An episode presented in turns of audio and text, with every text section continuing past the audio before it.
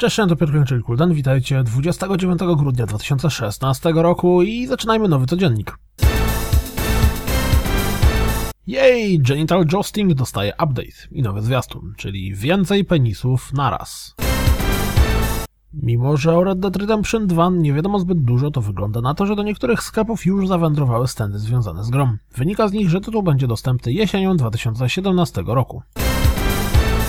Wiemy, jakie gry dostaniemy w ramach styczniowego PlayStation Plusa. Na PlayStation 4 będzie to Day of the Tentacle Remastered, Crossbuy z PlayStation Vita oraz This War of Mine The Little Ones. Na PlayStation 3 Blaze Rush i The Swindle, Crossbuy z PlayStation Vita i z PlayStation 4, a na PlayStation Vita Ascent 2 i Titan Soul Crossbuy z PlayStation 4. Huh. Windows 10 dostanie tryb Game Mode, który w założeniach ma optymalizować działanie komputera pod lepsze działanie gier, np. przez zabijanie działających w tle niepotrzebnych procesów.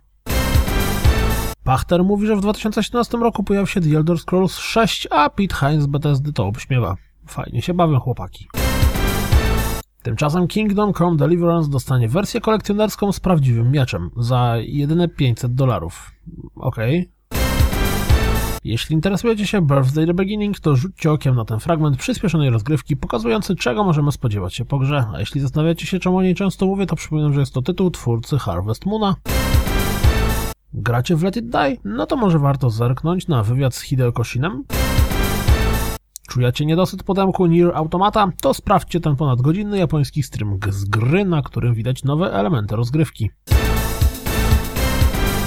To wszystko na dziś, jak zgodnie z przewidywaniami tego tygodnia, dosyć skromnie. Mam nadzieję, że słyszymy się jutro. Oprócz tego zapraszam Was na www.rozgrywkapodcast.pl, a jeśli doceniacie moją pracę, wesprzyjcie mnie na Patronajcie. Trzymajcie się, pozdrowienia, cześć, cześć.